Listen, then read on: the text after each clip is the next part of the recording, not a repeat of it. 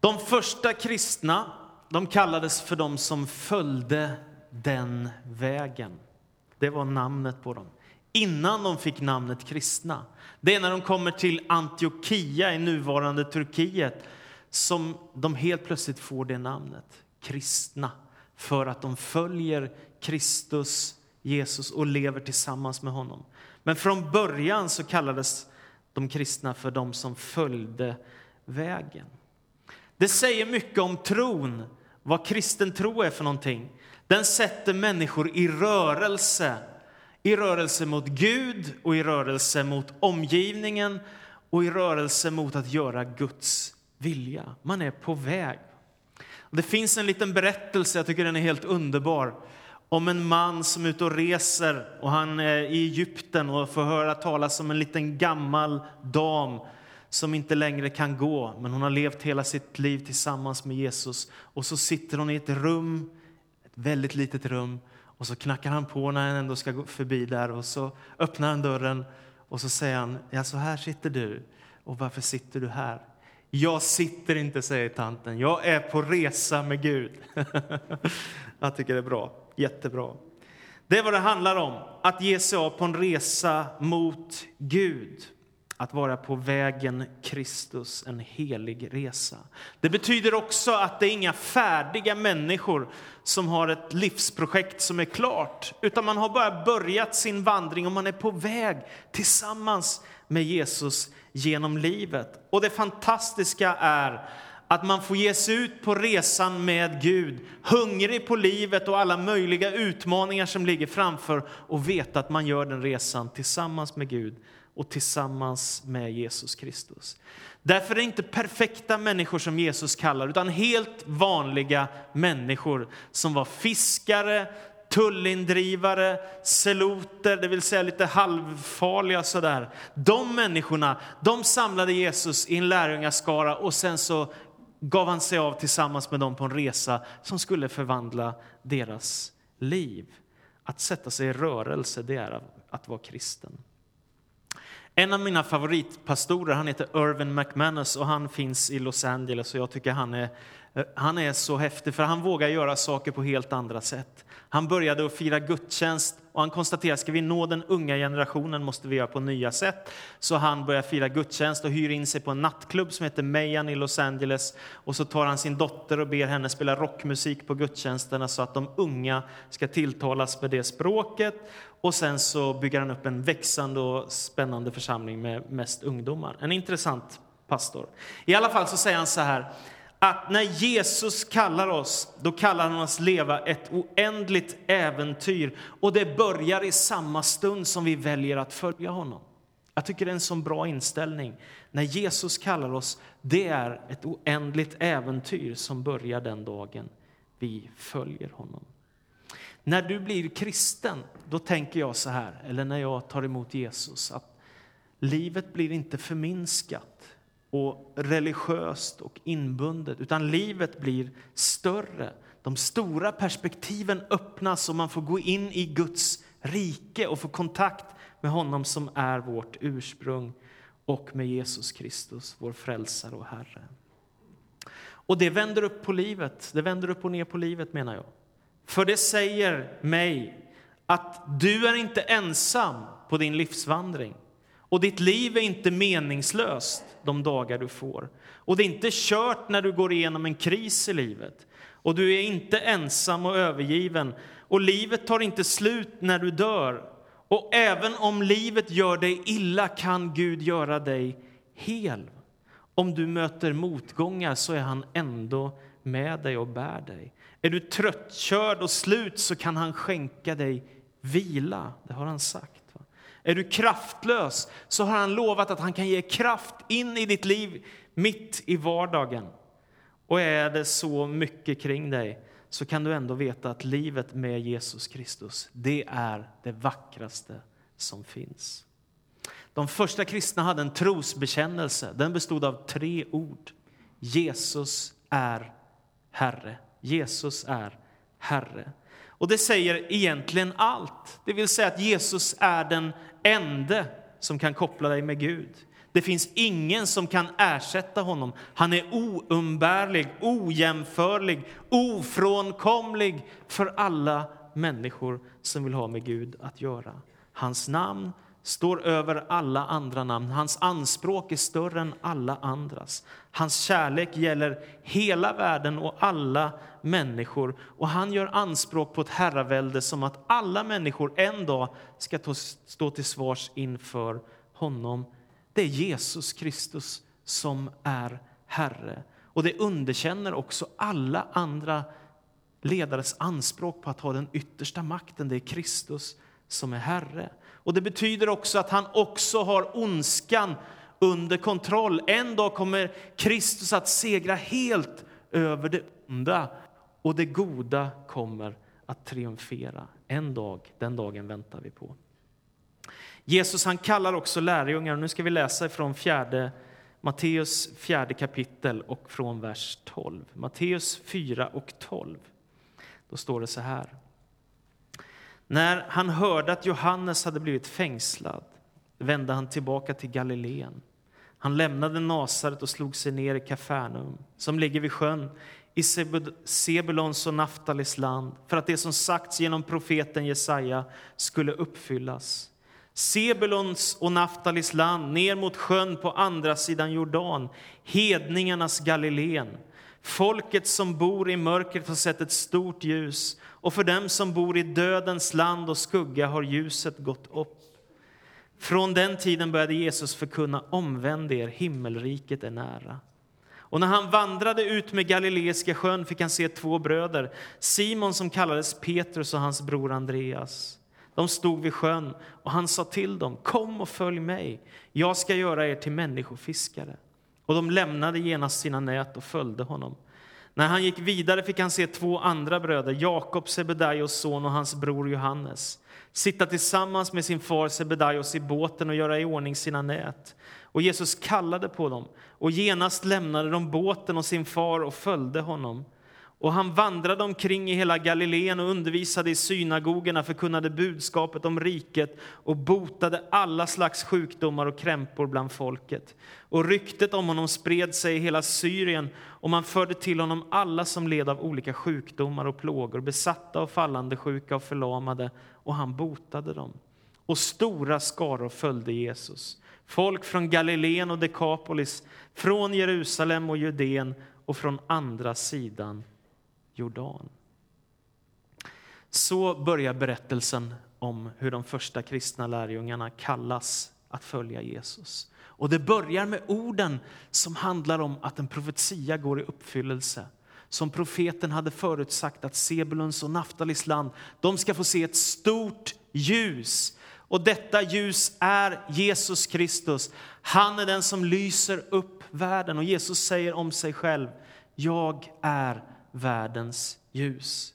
Och vad betyder det? Men det betyder att hans glädje, hans kraft, hans välsignelse, hans närvaro lyser upp ditt och mitt liv. Så att vi får någonting större att leva för och så att det är ljust också när det är mörker. Det finns mängder av profetiska förutsägelser och alla har sin uppfyllelse i Jesus, dessa löften om Messias som skulle komma. Folket ser ett ljus och de som bor i skuggornas och dödens land, de ser ljuset från Kristi ansikte som strålar ut i världen. Det ljuset har strålat i 2000 år och det går inte att släcka. Idag är vi fler kristna än någonsin i historien. Människor har skådat ljuset från Kristus, fått tag på någonting som är så kraftfullt att det går att leva och dö på. Det är nu Jesus börjar predika. Han är 30 år gammal. Han har blivit döpt av Johannes i Jordan för att han ska vigas till tjänst för Gud. Han har förts ut i öknen i 40 dagar för att prövas av djävulen och ställts inför de värsta frestelser man kan tänka sig. Men istället, som Adam som föll, så har han segrat mot ondskan och han tar sig ut ur öknen fylld av den helige Andes kraft och så börjar han predika. Och när han börjar predika så talar han inte som de skriftlärda utan med makt och med en kärlek som är oemotståndlig. Och så börjar Jesus sitt predikande med att säga himmelriket är nära. Himmelriket är nära.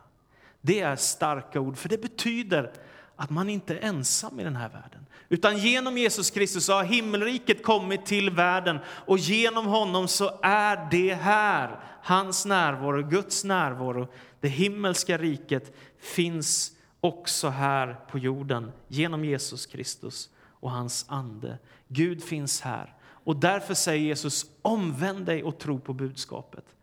Alltså himmelriket har kommit, Kristus har kommit med Guds närvaro och därför vänd dig till Gud, möt honom, ta, hand, ta emot Jesus Kristus som din frälsare. Vi är inte ensamma, himmelriket är nära, Gud är här. En av dem som jag bjöd med till den här kyrkan som kom till tro på Jesus, han lever inte längre tyvärr. Men jag minns att han sa till mig flera gånger vad jag älskar de där orden som står på nattvardsbordet. Herren är nära. Herren är nära. Och så sa han när, vi sjöng, när ni sjunger lovsånger, jag tycker så mycket om det, sa han. Jag får gåshud. Ja, det var vackert. En vacker beskrivning om hur det är att komma nära Gud och komma nära Jesus och bli berörd av evangeliet. Eftersom himmelriket finns här så kallar Jesus alla människor till omvändelse. Och omvändelsen handlar om att vända sig till Gud, bort ifrån synden, för att leva med Jesus. Och när jag tänker på omvändelse, vad det djupast sett är, då måste jag få citera en sång som säger som när ett barn kommer hem om kvällen och möts av en vänlig famn. Så var det för mig att komma till Gud. Jag kände, där hörde jag hemma. Det fanns en plats som väntade på mig. Precis så tänker jag om evangeliet, att det handlar om att komma hem, vända hem till fadershuset, till Jesus. När, när Matteus ska beskriva om hur första lärjungarna blir kallade så har han en kort kallelse. Jesus säger kom och följ mig. Och det märkliga är att människor som var fiskare och tullindrivare och som jag sagt och lite andra yrken hade de, helt plötsligt är beredda att bryta upp ifrån detta för att börja leva ett helt annat liv. Visst är det märkligt? Va? Det fanns på den här tiden mängder av judiska rabbiner som just samlade lärjungar och det var ofta så att det kom människor och sökte upp sådana här rabbiner, skriftlärda människor som ägnade sig åt ordet och bönen som man kunde få undervisning av och sen var en av deras lärjungar och själv bli rabbin. Men Jesus är det precis tvärtom. Han går runt till olika människor och säger kom och följ mig. Jag ska göra dig till en människofiskare. Kom och följ mig. Jesus kallar på människor. För Petrus och för Andreas blir de orden oemotståndliga och de bryter upp ifrån sitt fiskararbete för att i tre års tid vandra tillsammans med Jesus dag och natt. Och jag gissar att de inte har en blekaste aning vilket otroligt äventyr de kommer få vara med om. Hur tusentals människor samlas för att lyssna på Jesu undervisning. Hur mängder av människor blir botade från sina sjukdomar. Hur människor som såg, var illa sedda i samhället och som var sargade av livet blev berörda av Jesus med en enorm kärlek. De där två orden, följ mig, de har träffat människor genom historien, gång på gång. De har letat sig ner till skolbänkar och till arbetsplatser. De har tagit sig till människors köksbord och till kyrkor och församlingar. Överallt har människor hört de här orden. Och ett av de vackraste sätten jag tycker att beskriva detta det är när Maria och Marta möts, några av Jesu vänner. Då säger Marta till Maria, Mästaren är här och kallar på dig. Mästaren är här och kallar på dig. Så har det varit i 2000 år. Mästaren kallar på dig. När jag var 19 år gammal så var jag på en konferens i Aneby på Rallingsåsgården. Och så var det en man som hette Jonas Nilsson som predikade där. Och han, han var väldigt tuff, han var väldigt radikal i sin predikan och han sa när Jesus kallar människor att följa honom så säger han ta upp ditt kors Förneka dig själv och lev ett nytt liv tillsammans med Jesus. Det kanske inte låter så populärt. Ändå sa han så är det det viktigaste sättet att finna livet som man kan göra. Och så där höll han på ungefär en halvtimme. Och jag var helt tagen efteråt kände det är precis det där jag längtar efter. Att få lämna allt, att få följa Jesus, att få vandra med honom, ge mina dagar, mitt liv, min tid, mina resurser, min ekonomi, få ge allt till Jesus. Det är det vackraste jag vet. Jag satt för några år sedan tillsammans med en ung kille. Han hade bett att få äta lunch med mig på en restaurang. Och Vi satt och pratade en stund tillsammans. Och vi kom alla de där vanliga frågorna om livet och vädret och allt som kommer. Och sen så efter en stund så sa han till mig, hur kan det komma sig att Gud knackar så hårt på mitt hjärta? Och då sa jag, det vet jag inte. Men jag är övertygad om att det är ditt livs allra största lycka. Att Gud knackar på ditt hjärta och att han vill dig någonting och att du inte kommer ifrån det. Det är en stor lycka.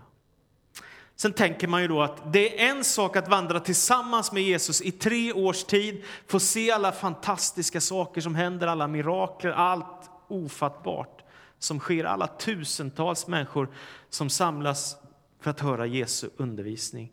Men vad gjorde de sen?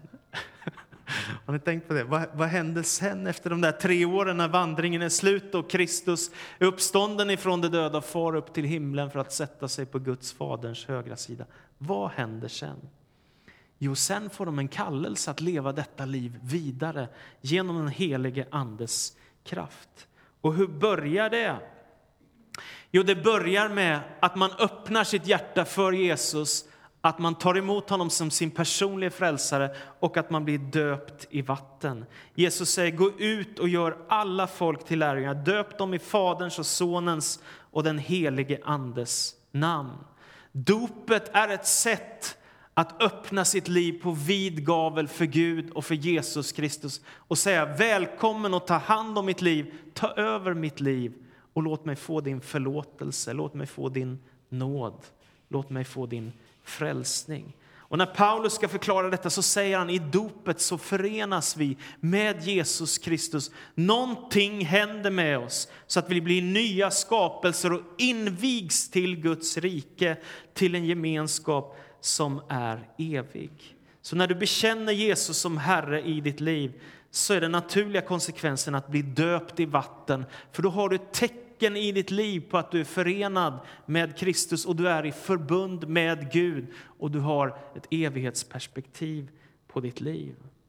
Och sen så uttalas Guds namn över dig.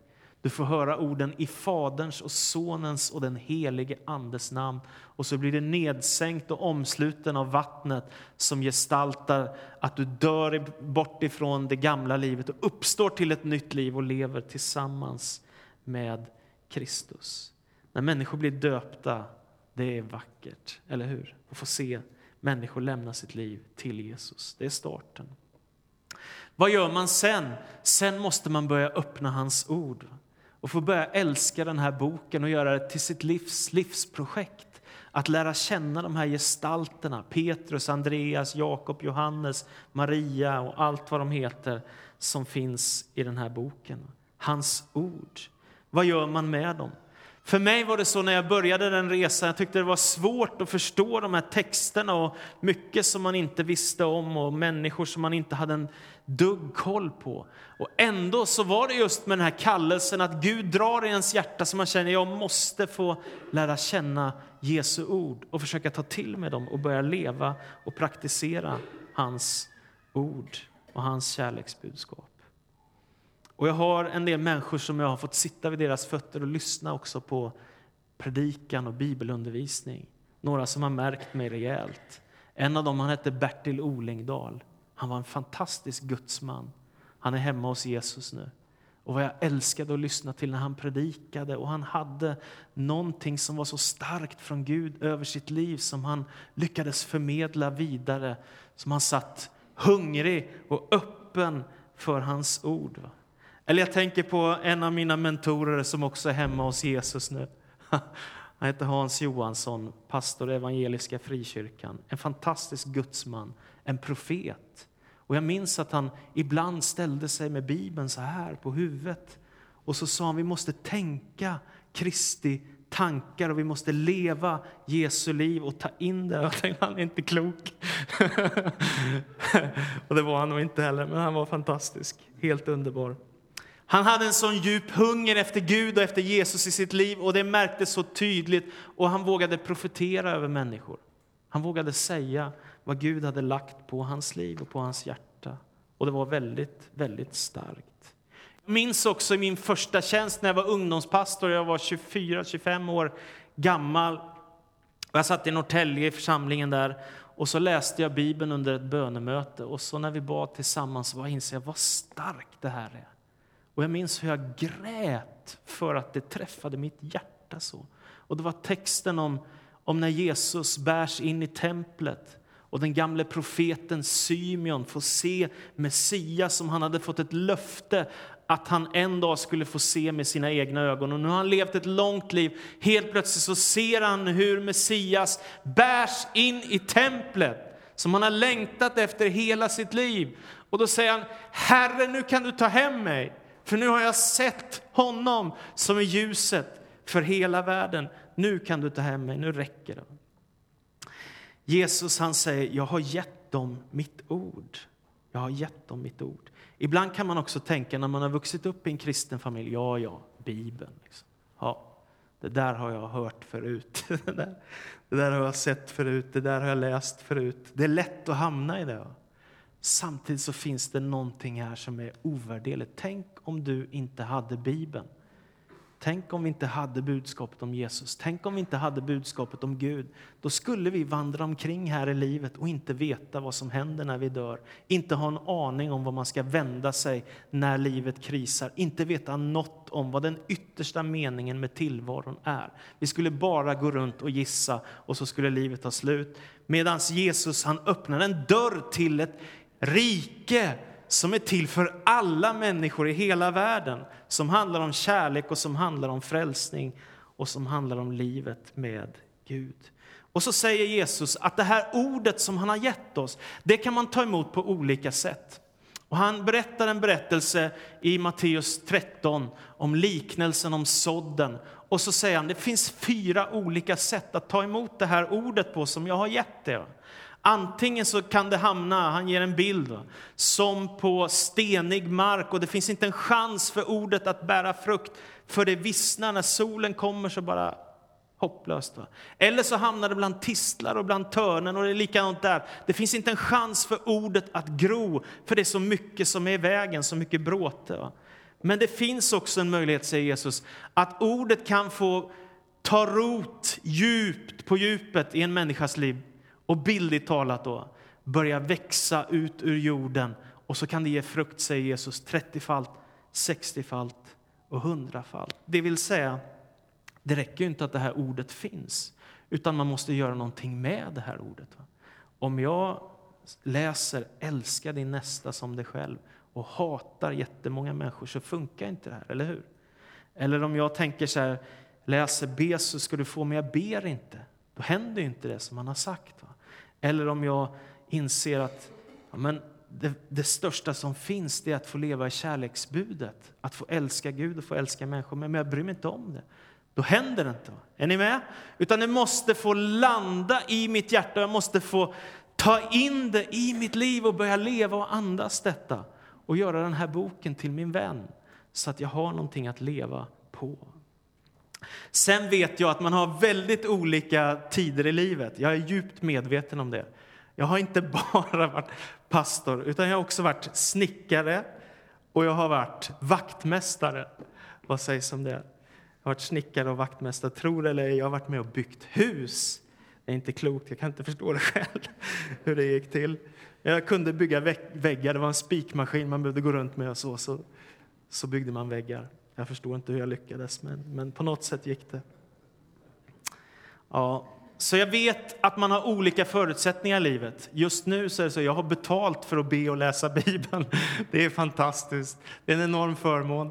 Så om du funderar på vad du ska göra med ditt liv och är osäker, så nej, nej jag skojar.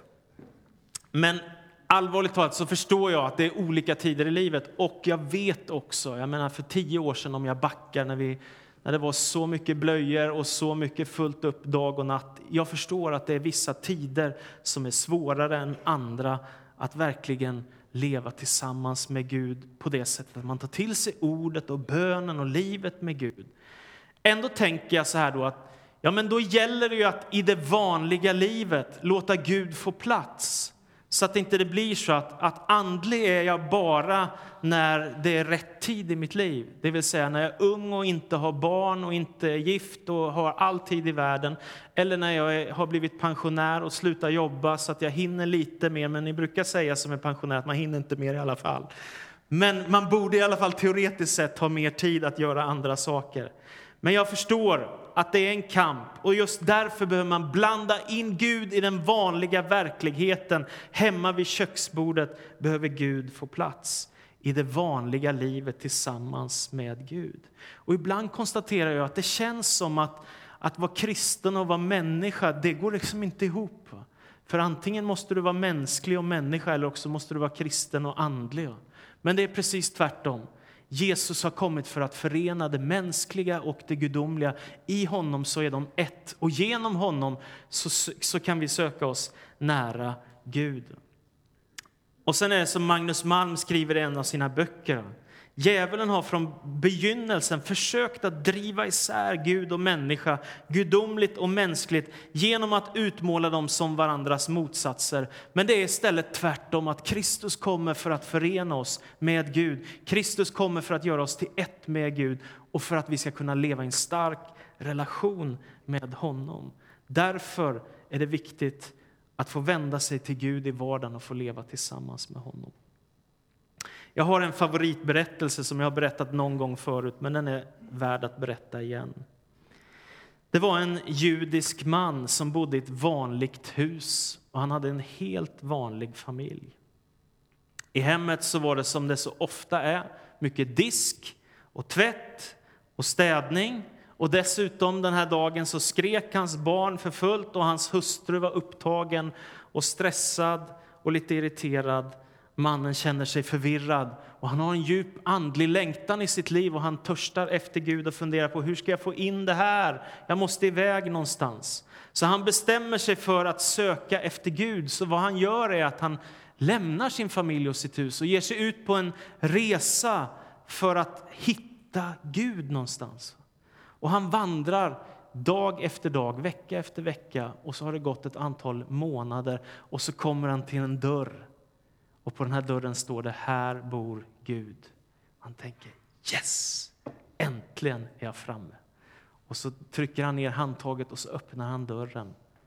Och där inne är hans fru och hans barn och tvätten och disken och det vanliga hemmet. Jag tycker det är en fantastisk berättelse som illustrerar vad det är på djupet att vara kristen. Det är inte att fly ut i någon slags andlig overklighet och leva i någon slags moln och susa omkring. Det är ner på jorden i den vanliga verkligheten vid köksbordet och knäppa sina händer och öppna sin bibel och leva tillsammans med Gud och försöka älska de människor vi har runt omkring oss. Det är inte så enkelt, men det är en fantastisk utmaning. Jesus lämnar oss heller inte ensamma, utan han har lovat att ge av sin ande till oss. Och I Matteus 3 och 11 så säger Johannes han ska döpa er med helig ande och eld. Han har lovat att rusta oss med kraft ifrån höjden. Det är väl därför kyrkan finns i nästan hela världen nu, för att människor har blivit berörda utav Gud och uppfyllda av den helig ande och fått hjälp ifrån Gud och blivit så berörd att man känner jag är inte ensam här. Gud är hos mig. Och det starka som jag tycker finns i Nya testamentet, det är detta att när du på, på allvar öppnar ditt liv för Gud och säger välkommen Jesus, ta hand om mitt liv. Då står det så tydligt att den helige Ande tar sin boning i ditt hjärta och du blir ett tempel för Gud och för Guds ande. För judarna på den här tiden så var det ju templet i Jerusalem som var så mäktigt och imponerande. Nu säger de första kristna att om du öppnar ditt hjärta för Jesus, då flyttar den helige Ande in i dig. Och Det betyder att du är verkligen inte ensam och övergiven, utan Gud bor i ditt bröst genom den helige Ande. Du är aldrig någonsin ensam. Han kan ge dig kraft. Och Det som var också fascinerande för mig att upptäcka det är att i kyrkan att det kan finnas människor som har fått profetiska gåvor eller gåvor att be för sjuka, eller gåvan att tala i nya tungor eller gåvan att skilja mellan andra. Sådana här fascinerande saker som har med Guds rike att göra. Det kan man få söka när man har tagit emot Jesus, dopet i vatten, börjar leva för honom, blir uppfylld av hans ande. Så kan man också till sist få börja dela gemenskapen med andra människor. Inga perfekta människor, utan helt vanliga människor som säger välkommen Jesus, ta hand om mig, låt mitt liv få bli till din ära. Och som avslutning, vi har ett mål för vår livsresa, evigheten hos Gud. Den plats där vi till sist är hemma för alltid. Kallelsen att följa Jesus gäller i evigheten, tar aldrig slut. Om jag är sjuk eller frisk, om jag är ung eller gammal, om jag är lyckad eller misslyckad, om jag är hel eller om jag är väldigt trasig av livet, så gäller Jesu ord för oss. Mästaren är här och han kallar på dig. Och kallelsen gäller hela livet och hela evigheten. Tänk vilket äventyr det är att leva med Jesus och få ge sitt liv och sitt hjärta till honom. Han är här och han kallar på dig. Amen. Så ber vi Jesus om nåd över våra liv. Du vet att vi längtar efter att fler människor skulle få höra evangeliet. Att fler skulle få möta dig, att fler skulle få upptäcka hur god du är och hur barmhärtig du är. Och du vet att livet är inte någon enkel resa för någon av oss, utan alla har vi vår kamp, alla har vi vårt motstånd, alla har vi våra svårigheter, alla gör vi misstag. Alla fattar vi ibland fel beslut. Men du har en väg för oss genom livet, en kallelse för oss. Och jag tackar dig för att du står och knackar på vårt hjärtas dörr. Och att du ger inte upp med oss, utan du vill fortsätta att hjälpa oss vidare på vägen med dig. Tackar dig för det, Jesus, och ber om din nåd och välsignelse över oss. Amen.